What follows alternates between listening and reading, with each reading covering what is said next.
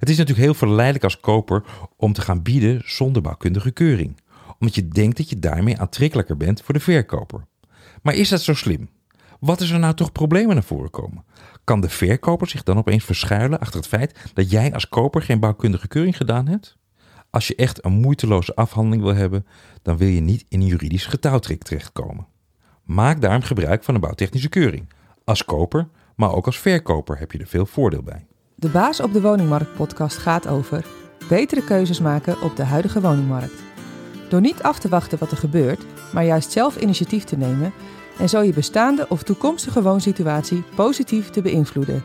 En daarmee baas over je eigen woongeluk. Met makelaar in woongeluk Mark Theeuwissen.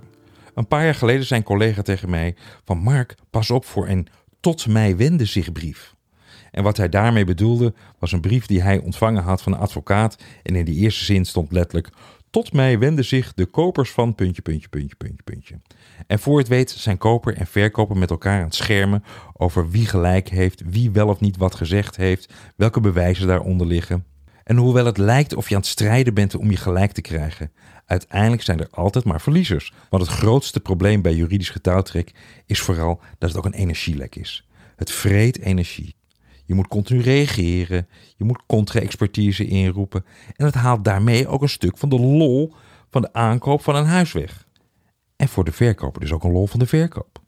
Het geeft gewoon een hoop onrust.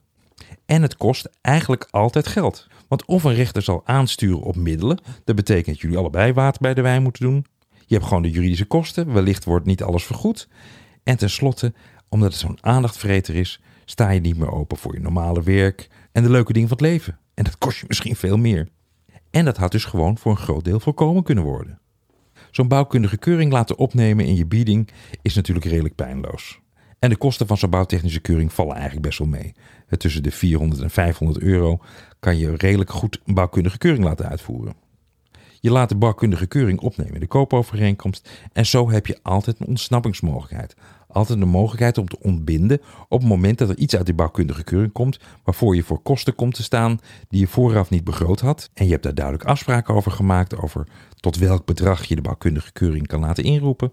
Dan geef je dat de mogelijkheid om de koopovereenkomst zonder kosten te ontbinden. Nou ja, je hebt dan in ieder geval de kosten van de bouwkundige keuring. Maar daarmee heb je misschien voorkomen dat je een kat in de zak gekocht hebt. En zo'n bouwkundige keuring kan verkopers ook weer helpen. Soms merk je dat verkopers zich opeens bewust worden van iets waarvan ze helemaal het bestaan niet wisten, een stuk achterstallig onderhoud, en besluiten ze dat om dat alsnog te laten doen. Uh, soms gewoon om een betere pand af te kunnen leveren, soms omdat ze hun woning met minder problemen willen overdragen aan een nieuwe koper, maar soms om gewoon erger te voorkomen. Kijk, als je ergens een lekkage ziet en het transport vindt pas drie, vier maanden later plaats, ja, dan wil je dat nu voor zijn voordat er vervolgschade plaatsvindt die misschien veel kostbaarder is om te repareren. En het kan natuurlijk ook zijn dat er iets gedaan is, bijvoorbeeld het platte dak is, uh, is recent vervangen en dan blijkt er nog garantie op te zitten van de aannemer. Als er dan problemen ontstaan, dan kan de verkoper naar de aannemer teruggaan. En hoewel het inroepen van de onbindende voorwaarden van de bouwtechnische keuring eigenlijk betekent dat je gewoon ontbindt, het is dus geen onderhandelingsmogelijkheid, kan natuurlijk best zijn dat je nadere afspraken maakt met de verkoper. Maar goed, daar moeten beide partijen dan toe bereid zijn. Het is niet iets wat je kan afdwingen. En dan kan je gewoon afscheid nemen van het huis. En dan heeft je dat maar maximaal 400, 500 euro gekost. Zie het als een verzekering. Niemand verwacht dat zijn huis in de brand steekt. En toch hebben we al een brandverzekering.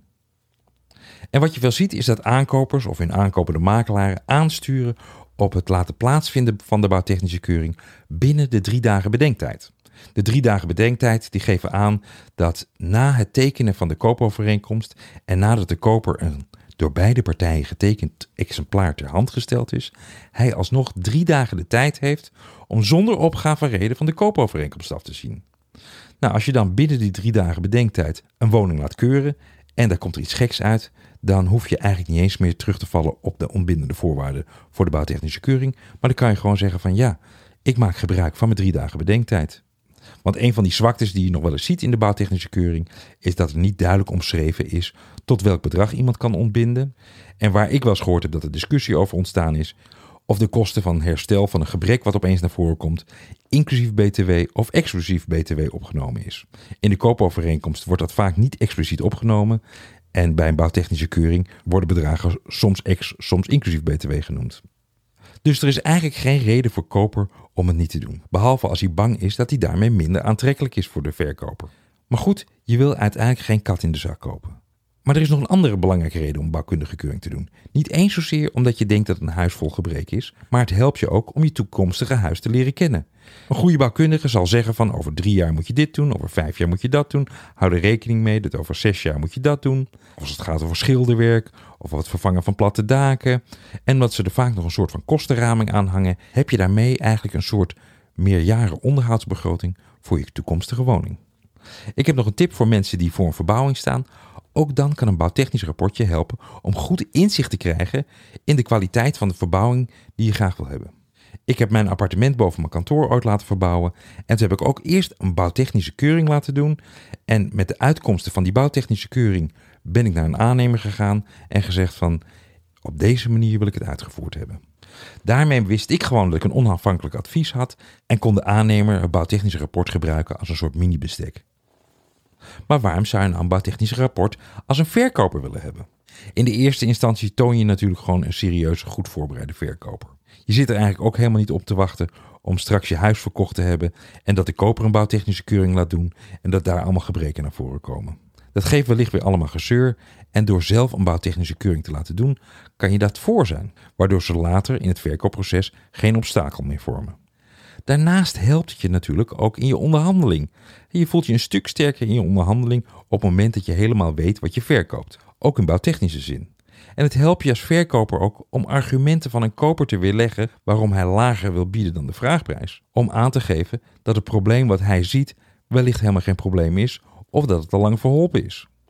En het versnelt ook gewoon de onderhandelingen, omdat een koper beter geïnformeerd is, op voorhand op de hoogte van eventuele herstelkosten en daar hoef je dan minder over te soebatten tijdens de onderhandeling.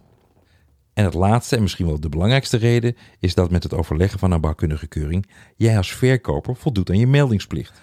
En hou er rekening mee dat zo'n bouwkundig rapport betaald door de verkoper gezien kan worden als een partijrapport, maar het staat natuurlijk koper vrij om zelf ook een bouwtechnische keuring te laten uitvoeren. Maar dan weet je als verkoper in ieder geval wat je daarvan kan verwachten.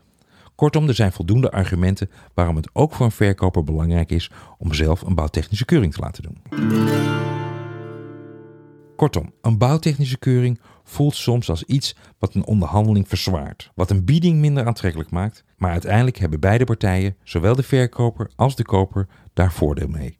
En daarmee worden zij baas op de woningmarkt.